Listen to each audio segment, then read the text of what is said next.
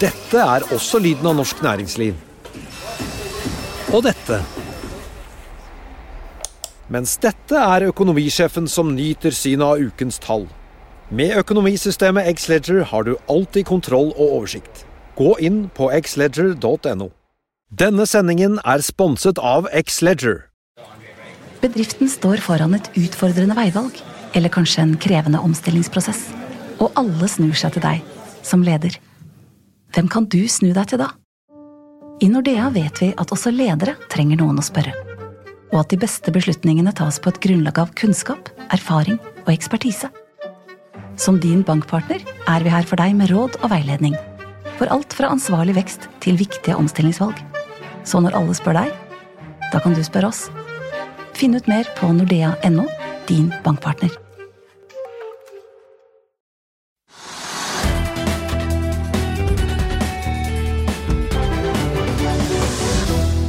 Velkommen til Økonominyhetene fredag 10.9. Børsen eh, svinger litt rundt null i dag, eh, og da kan kanskje det tre dager eh, lange fallet være over.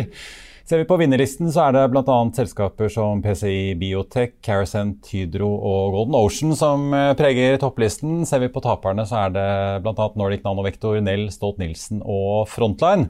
Kahoot er for øvrig mest omsatt i dag, men eh, litt ned 3,5% etter at selskapet oppjusterte guidingen og fikk seg en eh, god boost tidligere i uken.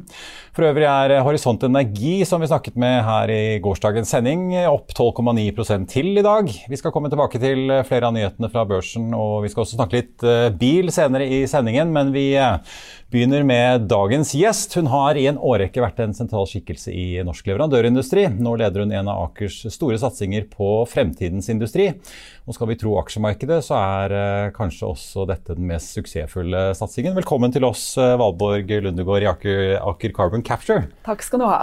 Vel, og vel overstått kapitalmarkedsdag som dere hadde denne uken, får jeg vel si? Jo, jeg syns det var spennende å dele mer detaljer om hva vi gjør for å posisjonere oss for det store markedet vi ser fremfor oss. Eh, så eh, vi er glad for at eh, vi fikk ut dette budskapet. Og Det er den første kapitalmarkedsdagen etter at dere gikk på børs i august i fjor. Ja. Litt premierenerver? Jeg vil jo si det, men ja, vi har jobba jevnt og trutt, og det er gøy å vise frem mer enn det vi får frem på en ren kvartalspresentasjon. Ja. Jeg vet jo at uh, toppsjefer liker sjelden å kommentere sine egne aksjer, men altså, hvis man ser på utviklingen, så har jo uh, aksjen til Aker Carbon hatt en voldsom utvikling siden dere kom på børs i fjor. Altså, det ble jo hentet penger til 1,70 kroner i emisjonen i fjor uh, sommer. Nå ligger den på rundt 25 kroner.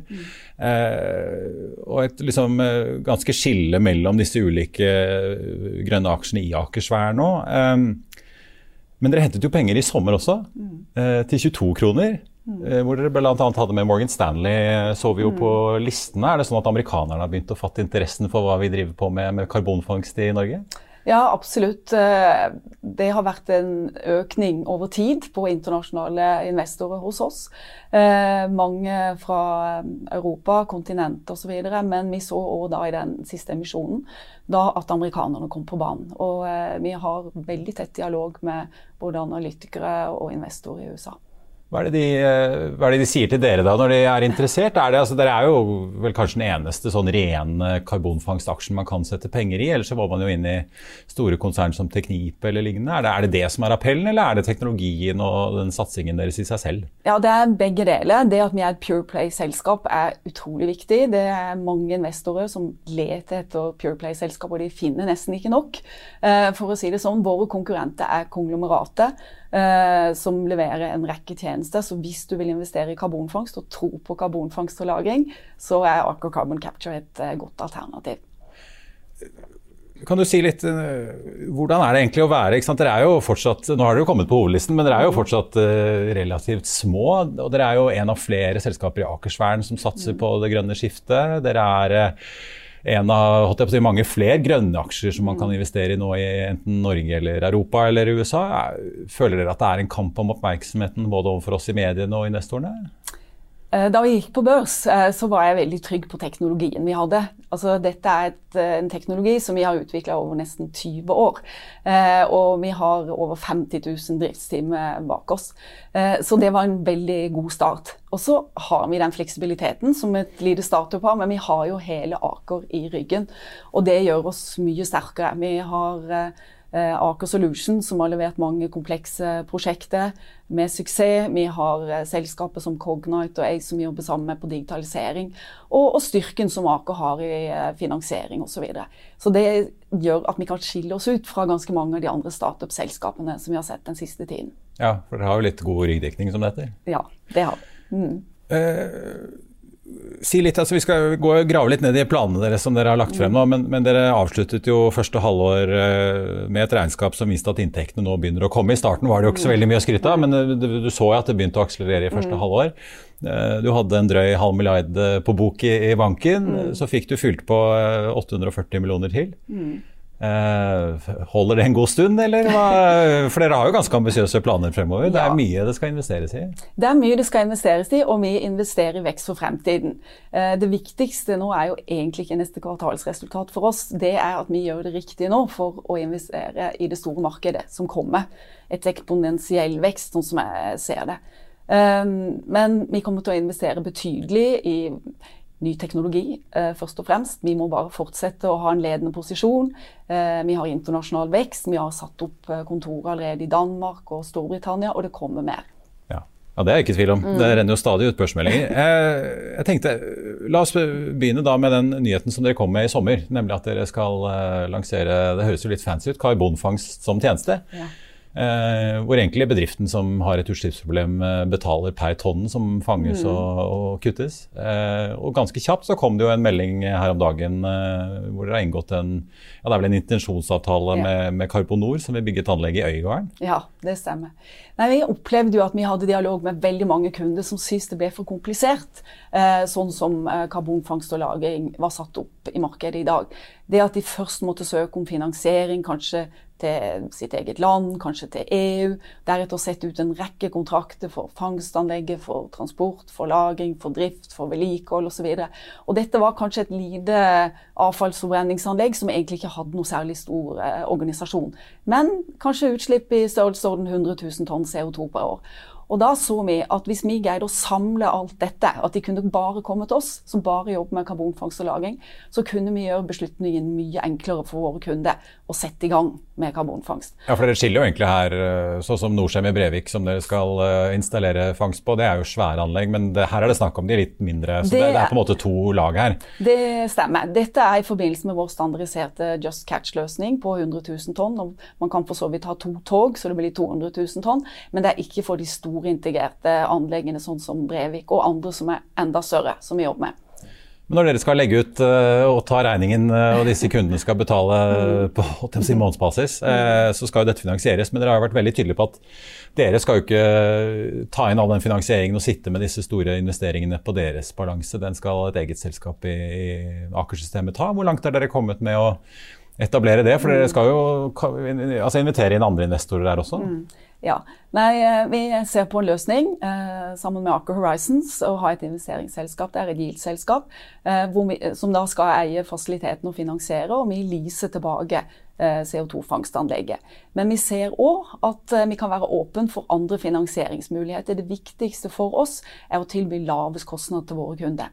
Ja, Men det er store summer som dere trenger hvis dere skal finansiere alle disse anleggene? Det er klart. Eh, vi ser jo for oss at dette blir et betydelig marked. Ja. Når tror du dette selskapet er oppe å gå, da? Nei, det, eh, Jeg kommenterer kun vårt selskap i dag, så det får vi se. Du spørre Kristian Røkke om, ja, det, eh, om det i Aker Horizons? Det får du gjøre.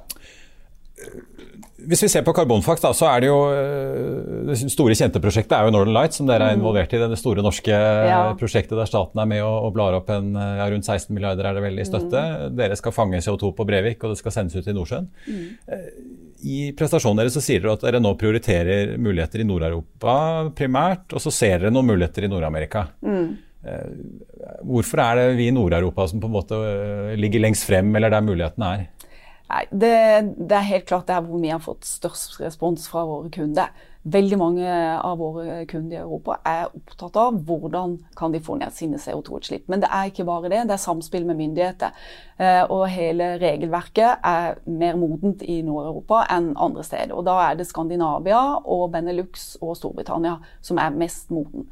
Men så ser vi jo da at eh, Nord-Amerika nå, både i USA og Canada, der skjer det store endringer pga. politiske eh, vilje til å satse på re reduksjon av CO2-utslipp.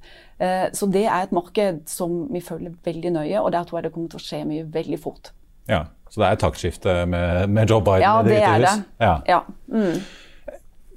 Dere anslår jo i materialet så, så, legger dere frem at dere ser for dere at dere skal klare å kutte CO2 til mellom 75 og 145 mm. euro per tonn. Uh, det er jo et interessant tall, for hvis man ser på kvoteprisen så ligger jo den fortsatt litt under. Så det er fortsatt mm. billigere å bare kjøpe seg ut av problemet mm. enn, å, enn, å, ringe deg eller andre og få det løst. Eh, men kvoteprisen vet vi jo er på full fart oppover. Mm. Uh, den skal jo videre oppover, så er jeg litt usikker på, på, hvor fort, men den har jo mer enn doblet seg bare fra i fjor sommer. Mm. Eh, kan ikke du si litt om, om, det kostnadsanslaget og hva som ligger i det spennet der? Altså, mm. For det er jo ulike deler av, eh, av kjedene som gir ulike kostnader her. Ja, det, det, er det. Og det som er viktig å si, at eh, det, det, den kostnadsrangen som du nevner her nå, det er jo for denne Just Catch-tilbudet som går på service.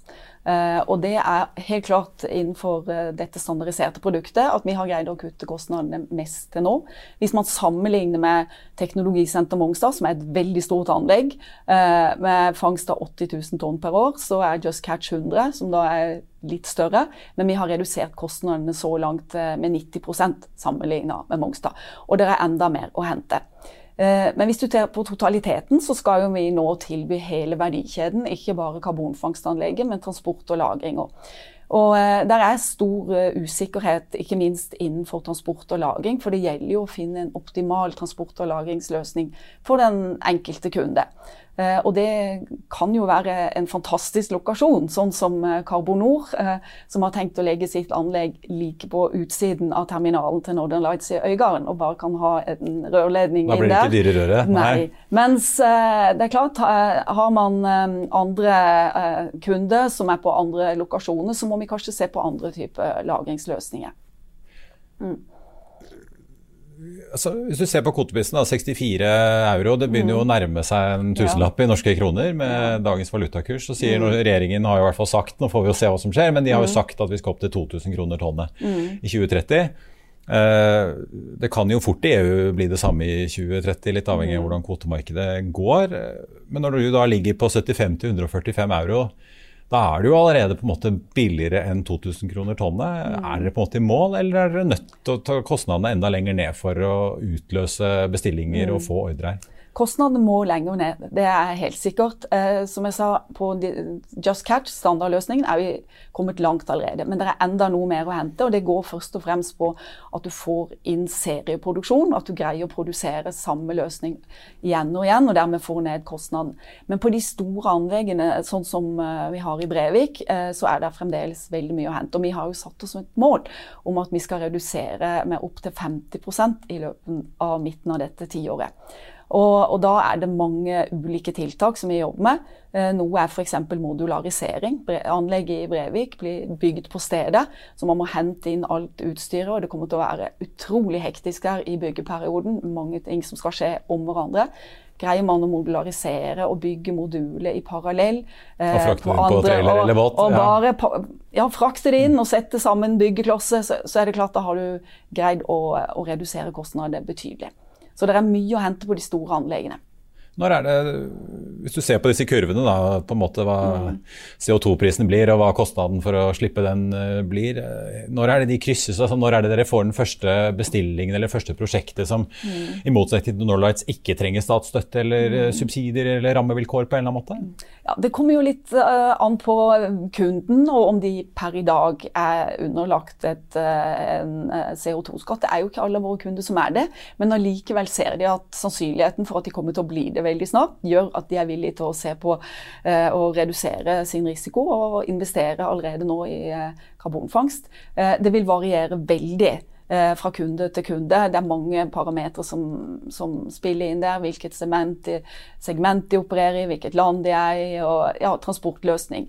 Og, eh, og, vi har jo dette prosjektet i Nederland som vi håper å starte opp snart. Eh, hvor det er et eh, Tvense, et eh, avfallsforbrenningsanlegg, som skal selge CO2-en til et drivhus. Eh, og det er klart at da òg kommer man litt nærmere break-even. Og målet må jo være ikke bare break-even, men at dette skal være et interessant marked som man tjener penger på. Lundegård, på slutten tenkte jeg Vi må snakke litt om alt som skjer i Europa. Det er jo en uh, Fit for 55-plan som er lansert. Den er jo ikke banket i sten ennå, får vi jo si. Det blir jo litt dragkamp i Brussel frem og tilbake. Uh, vi så jo f.eks. på Dagsrevyen i, i, går, så var jo da eh, Andreas Bertram i det tyske miljødirektoratet mm. intervjuet, og han sto jo og sa at uh, det er ikke noe vedtak eller program for å bruke CCS i, i Tyskland. Samtidig ser vi jo tyske bedrifter som satser på dette, inkludert Heidelberg uh, i Brevik. Og, og, Angela Merkel var jo ute for et par år siden og var, mm. var veldig tydelig på at dette vil de ha. Mm. Hvordan, hvordan, tolker dere liksom stemningen for karbonfangst, CCS, i Europa nå? egentlig? Blir dette en sentral del av EUs plan på klima? Ja, Det er uten tvil. Eh, generelt i Europa så er det et stort fokus på karbonfangst og -lagring. Eh, og det er fra land i, i eh, Nord-Europa som Benelux, men òg vi, vi har kunder i Kroatia og Italia osv. som ser på karbonfangst og -lagring. Tyskland har jo vært i en litt spesiell situasjon. De, de hadde et forsøk med lagring på land for ca. ti år siden som eh, fikk veldig mye motstand. Eh, blant folk som ikke ville ha CO2 lagret under seg, for å si det sånn. I, backyard, som heter. Akkurat, i grunnen. Og da var det vanskelig for politikere å foreslå det. Men det man ser nå, er jo egentlig at det er stort fokus på hydrogen som energibærer i Tyskland. Og det er klart at med en lagringsløsning offshore, f.eks. Northern Lights, så er jo det interessant. Ja, Så du ser ikke noe fare for at man i Brussel plutselig finner ut at uh, karbonfangst skal ikke være på, på plusslisten? Nei, det er, hvis du går tilbake et år i tid, eh, og da vi etablerte selskapet vårt, så, så, brukte jeg utrolig mye tid på å forklare både investorer uh, og ja, ulike kunder òg, at karbonfangst og -lagring var en del av løsningen. Det var, det var veldig lett å forstå fornybar energi vindmøller som blåser, det har man hatt i Europa i årevis. Eh, men det er jo ikke alle miljøproblemer som kan løses med det. Eh, og da har man f.eks. sementindustrien, hvor CO2-utslippene kommer fra selve prosessen. Og da er karbonfangst og -lagring eneste løsning. Så det kommer, det er helt sikkert. Og nå, nå bruker ikke jeg mye tid på å måtte forklare hva karbonfangst og -lagring er, og at det er nødvendig. Det føler jeg nå at er akseptert, og ikke bare i Europa, men veldig mye interesse fra USA òg. Så får vi se hvordan det går eh, på andre siden av Atlanteren også etter hvert. Ja. Valborg mm. Lundegård i Aker Carbon Capture, takk skal, du, takk skal, du, ha for at du var med oss. Mm. Eh, vi får ta med at eh, både Clarkson Plato og Pareto har vært svært positive til eh, Aker Carbon Capture-aksjen etter gårsdagens kvartalspresentasjon. Og sistnevnte økte faktisk kursmålet fra 24 til 33 kroner. Vi ser nå at aksjen er opp 3,8 eh, til 25,10 eh, eh, nå som vi sitter her nå. Vi skal ha litt flere nyheter. Regjeringen skal utrede nullutslippskrav for lakselus frem mot 2030 for å redde villaksen. Det kan bety lukkede anlegg. Miljø, klima- og miljøvernminister Sveinung Rotevatn sier at villaksen kan bli rødlistet for første gang. SVs Torgeir Knag Fylkesnes kontrer med at han syns forslagene er altfor slappe. Sjefen i Firda Seafood, Ola Brånås, sier til E24 at uh, disse forslagene kan koste selskapet hans 1,5 milliarder i nye investeringer. Ser vi på de store oppdrettsaksjene på Oslo Børs, så er de uh, litt ned etter nyheten. SalMar 0,7, Movi og Austevoll ned 0,3% mens Bakkafrost og Grieg er ned litt over 5% Sjømat Norge-sjef Geir Ove Ystmark sier han er positiv til handlingsplanen, men at det er for tidlig å konkludere med at vi trenger Hey, I'm Ryan Reynolds. At Mint Mobile, we like to do the opposite of what Big Wireless does. They charge you a lot, we charge you a little. So naturally, when they announced they'd be raising their prices due to inflation, we decided to deflate our prices due to not hating you. That's right. We're cutting the price of Mint Unlimited from $30 a month to just $15 a month. Give it a try at mintmobile.com slash switch. $45 upfront for three months plus taxes and fees. Promote for new customers for limited time. Unlimited more than 40 gigabytes per month. Slows. Full terms at mintmobile.com. Dette er også lyden av norsk næringsliv. Og dette. Mens dette er økonomisjefen som nyter synet av ukens tall. Med økonomisystemet Xledger har du alltid kontroll og oversikt. Gå inn på xledger.no. lukkede anlegg. Nå som vi har tatt unna nyhetene fra børsen, så tenkte vi at det var på tide å snakke om noe som både er artig og interessant. Andreas Scheel, redaksjonssjef her i Finansavisen Motor, velkommen. Takk for det. Du, eh, det er mye som skjer i bransjen om dagen. Mange ser det jo rundt seg. Det kommer bilfraktskip med Tesla Model Y rennende inn på Filipstadkaien i voldsomt monn. Eh, men det har også vært bilmesse i Frankfurt. Ja, det har det vært. Og det er jo første gang på omtrent to år at det har vært en eh, bilmesse. Fordi de har selvfølgelig vært avlyst pga. korona, alle sammen. Ja, De var vel et kjapt offer for eh, pandemien? Absolutt. Å samle noen hundre tusen mennesker på et eh, lokale med masse ting man skal se på og ta på, er bra for smitte, men ikke smittevern.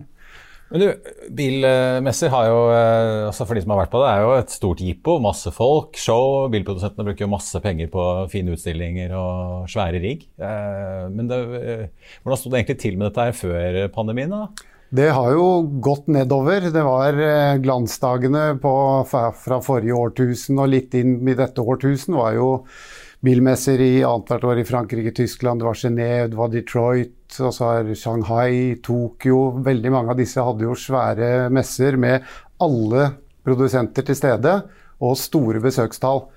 Men de siste ja, ti årene så har dette dabbet av, sakte, men sikkert. og gått jevnt nedover, så flere av disse messene er nå avlyst totalt sett.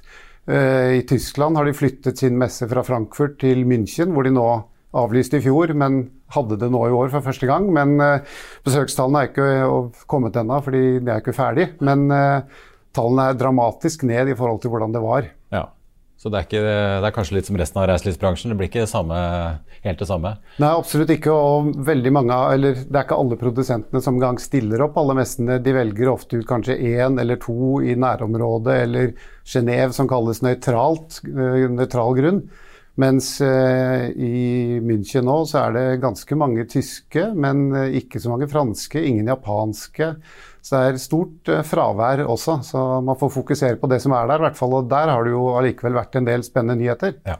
Ja, vi må snakke litt om altså, alle som, eh, som, vi snakket om, altså alle som ser seg rundt, ser at det er mange nye modeller på veiene. Men det kommer jo enda mer. Eh, før vi kaster oss over elbilene, skal vi snakke litt om hydrogen. For det er, jo, eh, det er jo flere aksjer på Oslo Børs som folk er veldig interessert i. Men det har jo ikke virket som hydrogen liksom tar av. Men nå er jammen meg BMW ute med en, en, ny, en, ny, konseptbil som går på hydrogen. Ja da, og det er den, ikke den første hydrogenbilen deres. De hadde jo for 10-15 år siden en del ombygde biler med altså de tradisjonelle drivlinjer som gikk på hydrogen i forbrenningskamrene. Det var ikke veldig effektivt, men det fungerte, så man prøvde det. Men eh, denne bilen har forbrenningsmotor, på samme måte som Toyota Mirai og Nexo, som jo også finnes. Men eh, det er jo morsomt for oss i bilbransjen å se at hypen for hydrogen og hydrogenaksjer har jo vært enorm.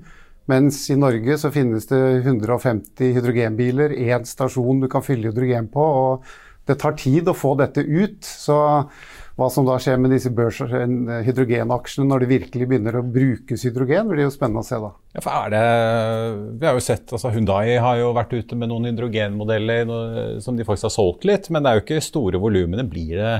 Altså Er det noen produsenter som virkelig satser stort, eller er det et litt sånn sideprosjekt? Eh, det er mange måter å se det på. Det er vel De fleste tenker at hydrogen er for det som skal frakte tungt og langt. For da slipper du dette med lading og slike ting. Du fyller jo en hydrogentank på noen minutter. Og Asko har et prosjekt i Trondheim hvor de fyller sine egne lastebiler med hydrogen og kjører det. Så taxier kan kanskje ha fordel av hvis de ikke skal stå og vente på kunder og lade mens de venter, men kjøre hele tiden. Men eh, det var som Espen Barth Eide sa på dette seminaret som vi arrangerer i disse dager også, er jo at eh, han kåret jo egentlig den batteribilen til vinneren blant elbilene foran hydrogenbilen. Så at elbilene kommer nok til å bli dominerende, men at hydrogen er en, eh, si, en god nummer to, kanskje. Ja. ja apropos, dere Motorredaksjonen er jo i gang eh, med denne konferansen Fremtidens bilbransje, som går nå, faktisk. Eh, så man kan klikke seg inn på FA1 og, og se det der, eller i opptak senere også. kan vi ikke bare ta, ta, ta liksom, hvert fall En av nyhetene derfra var jo at både Arbeiderpartiet og Høyre freder fossilbilen også etter 2025? Ja, det, Hva det de altså, det de jo sier, er at målet er at eh, alle biler som skal selges etter 2025, skal være nullutslippsbiler. Og de mener ikke at det er et forbud eller at det blir absolutt, men det blir, de skal gjøre det så vanskelig at det blir mest nullutslippsbiler. Men det vi fikk frem, var at når det gjelder dette med bruktimport og import av veteranbiler, som jo har vært interessant og er gunstig rent økonomisk i og med at avgiften forsvinner etter hvert, så fredet de i hvert fall foreløpig dette her i den forstand at hvis du etter 2025 har lyst til å kjøpe deg en gammel Mustang med V8-er, så er det fritt frem for det.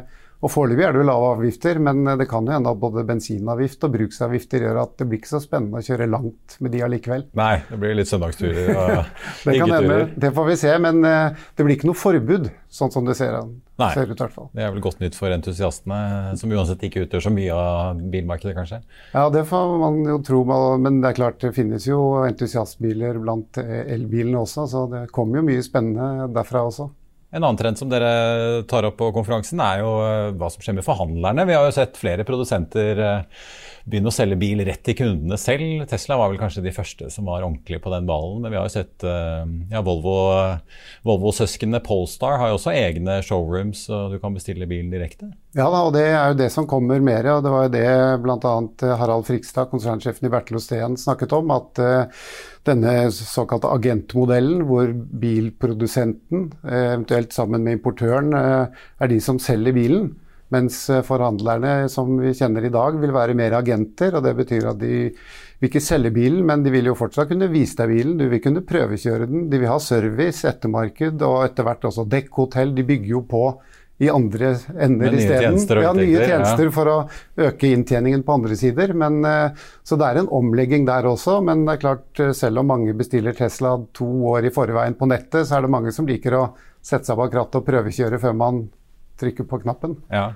Men det, er, det må jo være ganske store endringer som denne bransjen står overfor. Altså Elbilene trenger jo mye mindre vedlikehold eksempel, enn en uh, vanlig bensin eller Det gjør det. Du skal ikke bytte olje. Det er vel sånn strengt tatt én bevegelig del, en ja. elmotor som går rundt, mens i en uh, fossilmotor så er det mange tusen deler som går fort opp og ned og blir varme og mye som kan gå i stykker. Så betydelig mye mindre service og den type ting. Men derfor er det de da jobber seg opp med dette med De har jo gitt fra seg dekkhotell, eller dette, ja, oppbevaring av dekk og eh, glass, vindusskift, altså steinsprut. Dette er også ting de nå både kjøper seg inn i og begynner med selv for å ha flere tjenester når de ikke skal bytte olje på bilene, sånn som de har tjent godt på tidligere. Ja. Eh, Til slutt skal vi gå gjennom litt av noen av de nye modellene som ble vist eh, nede i Tyskland på messen. da. De som har fulgt med på markedet, har jo sett at det har vært en sånn slags førstebølge av elbiler som har kommet. Med alt fra EQC og Audi E-tron og mange av disse mellomstore SUV-ene som har rent inn på norske veier. Nå ser vi at det kommer også ja, Gelendewagen og det kommer E-klasse og Audi A6. Er det liksom en ny bølge på vei nå? Ja, det er nok det. Og mange av de bilene som vi har sett på veien nå i dag, har jo liksom etter Think og Nissan Leaf, som var tidlig ute med kort rekkevidde, og en ombygd Golf også, så var jo disse bilene med ja, Tesla og disse du nevnte, EQC, Audi, E-tron Første generasjon eh, elbiler, som jo i Norge pga. avgiftene eh, har fått en eh, voldsomt gjennomslag. Men nå er det ikke bare den ene bilen de produserer, nå legger de om. Det er jo krav ute om, og de sier selv de skal slutte å produsere fossilbiler fra 2030. Det kommer nye krav i EU fra 2025 som gjør at fossilbiler blir vanskelig å få godkjent Ja, disse euro- utslippene. euro 7, eller hva vi har kommet til, ja. Og de er så Mm. strenge at uh, det er veldig få som faktisk klarer det, så de tvinges nå til å uh, lage nye elbiler, og det kommer det nå mange av. Så nå kommer de i alle segmenter, alle størrelser og mye flere. Og det lages og utvikles få nye fossil- og plug-in-hybrider, faktisk. Det er liksom et spor som er på vei ut, og det er elbiler som kommer på alt. Men det er noen krampetrekninger, bl.a. Eh, AMG kommer jo nå med sin eh, GT firedørs eh, kupé, som nå blir plug-in-hybrid med nesten 900 hester, er det vel? Og 0 til Bruker 100 fortsatt litt bensin. på 2,9 sekunder. Ja, men med lavt utslipp pga. hybridmotoren, så blir det jo lavere avgift. Så den blir jo billigere enn den bilen som bare har 610 hestekrefter. Ja. Ja, Vi får jo se hva den nye elektriske gelendevagen kommer til å koste. Den eh, bensin- og dieseldrevne er jo relativt dyr i Norge med alle avgiftene. Nemlig. Så foreløpig, og foreløpig er det jo ikke snakk om moms, men nå kommer det jo kanskje moms på alt over 600 000, så det vil nok merkes litt. Ja. Er det noe, vi ser jo særlig Mercedes var jo store på denne messen og pøste ut med masse nye modeller. Men litt det du snakket om generasjoner her, er, det de, de modellene som kommer nå, om det er elektriske S-klassen eller den nye E-klassen, eller disse fra BMW og Audi og Renault og alle disse andre, er det store forbedringer nå fra typ den der første generasjons med EQC og E-tron og de første som kom? Ja, det er ikke noe revolusjon, men det utvikles jo hele tiden. Eh, noe av det som er viktig på elbiler, er jo luftmotstand, og der har de jo disse bilene glir jo gjennom luften som var det Mercedes sier at det er bare en pingvin i vannet som er bedre enn en EQS når det gjelder luftmotstand, og det betyr jo at du får lite motstand og du får lengre rekkevidde pga. det. Batteriene blir litt bedre, motoren blir litt bedre. Og den nye EQE som skal komme nå, vil jo da få en rekkevidde på 660 km. Så det er klart du liksom kjører til Namsos uten å lade, så er liksom ikke rekkevidden lenger noe stort problem. Så ja, så, ja, når E-klassen kommer da i elektrisk versjon, så den er jo kjent for mange som eh, drosje-Mercedesen, så da blir den kanskje å se stående utenfor Oslo S og det kan Gardermoen. Det vet vi ikke, men i alle fall, det blir jo lengre rekkevidde på mange av disse her. Men det, det blir jo dyrere biler med store batterier. Så, men det kommer jo også andre biler med mindre batterier i flere klasser. og BMW har jo sin I4 og iX, så da kan du både ha en liten sånn sedan, eller en litt større eh, SUV med firehjulstrekk og større batteri, og høyere pris, selvfølgelig. Ja. Men eh, vi går kanskje litt mot slutten på den eh, tiden hvor folk satte seg på venteliste og måtte vente i all evig tid. og liksom Det var ordentlig kamp for at nå kommer det så mange modeller og så store volumer etter hvert. Ja, eh, det er vel fortsatt litt ventetid. Og det er jo som man også snakker om dette med at man, eh, man skal vente til å kjøpe PC til den neste kommer, for den er så mye bedre. Da blir det jo ventende i evig tid, for det går så fort. Og det skjer også med elbiler. Så hvis du skal vente til den perfekte elbilen kommer, så skjer det hele tiden. Da, kan, da får du aldri kjøpt. Trøsten får være at mange av de har eh, sånn trådløs oppdatering, så du kan få litt nye funksjoner. Det er selvfølgelig noe, men pakka er der, da. Så. Men det kommer mye, og det, det blir bedre. og Det er vel noen som kanskje har venteliste fortsatt, men mange av disse bilene som blir vist nå, kommer jo ikke før i høst eller neste år, så det er mange som står og venter allerede. Ja. Eh, før vi takker av, så skal vi eh, dele litt helgeunderholdning med seerne våre. For uh, vår kollega Håkon Sæbø han har vært ute og testet uh, Porsche 911 Nei, BMW M4 mot Porsche 911 på bane. Skal vi ta en uh, titt på det her? Nye BMW M4 Competition er blitt så heftig at vi faktisk følte vi kunne ta med en Porsche 911 som sammenligning. Denne bilen har 510 hestekrefter og gjør 0 100 på 3,9 sekunder. Porschen har bare 450 hestekrefter, men klarer likevel 0-100 på 3,5 sekunder. Da er spørsmålet hvilken er det som er morsomst her på Vålerbanen. Jeg vet iallfall hvilken som er dyrest. Det er Porschen.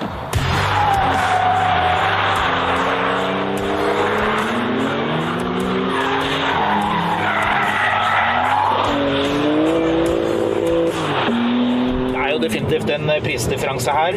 BMW M4 Competition koster fra 1 240 000 kroner, mens Porschen som vi har med, som er en Carrera S, den koster faktisk fra 1780. Men det er også en stor forskjell i vekt, for den bilen her, selv om den er helt ny og utrolig morsom, unektelig veldig morsom, så er den også tung. Den bilen her veier faktisk 1,8 tonn. 911 Carrera S veier 210 kg mindre, og det har faktisk litt å si på en uh, bane som det her. Men én ting BMW har gjort som er utrolig morsomt, er dette programmet, kjøreprogrammet de har lagt inn, M-Drift Analyzer. Bilen vil gi deg en oversikt over hvor flink du er til å drifte, fra null til fem stjerner, til og med vinkel.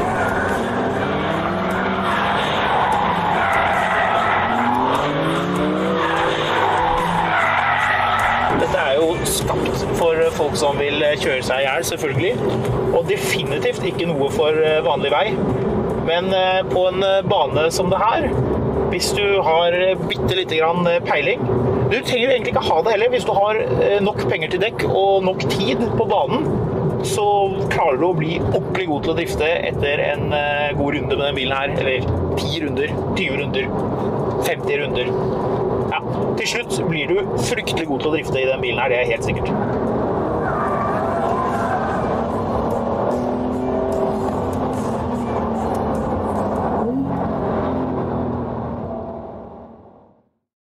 I Finansavisen eh, lørdag kan du lese testen av Porsche 911 GT3 og også mer bilstoff selvfølgelig i motorutgaven. Du kan også lese Trygve Hegnars leder eh, der han mener at økonomiprofessor Anette Alstadsæters utsagn om eh, de rikes skattesmutthull blir helt feil. Og du kan lese om offshorerederier som frykter klimabrems, og selvfølgelig også vin, mote og mye annet. Det var det vi hadde i dag. Tusen takk for at du så på. Vi er tilbake på mandag klokken 15.30 på selveste valgdagen. I mellomtiden ønsker vi deg en riktig god helg. Takk for nå.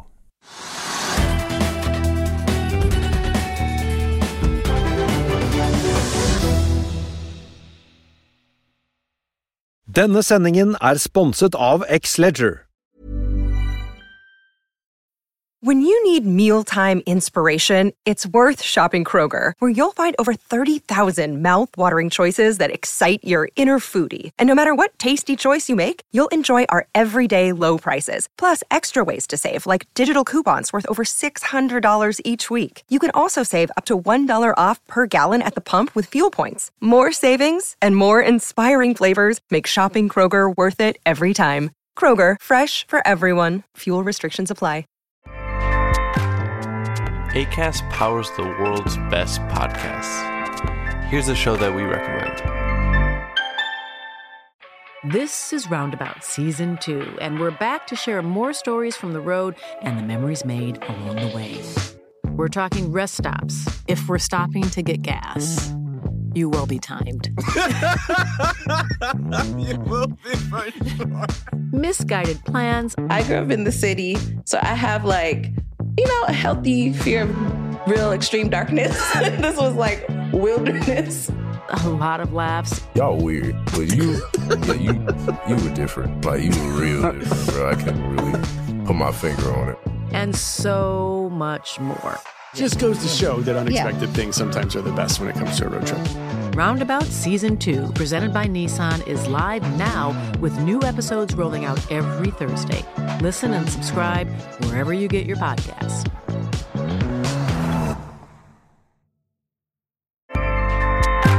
ACAST helps creators launch, grow, and monetize their podcasts everywhere. ACAST.com. Økonominyhetene er en podkast fra Finansavisen. Programledere er Marius Lorentzen, Stein Ove Haugen og Benedikte Storm Bamvik. Produsenter er Lars Brenden Skram og Bashar Johar. Og ansvarlig redaktør er Trygve Hegnar.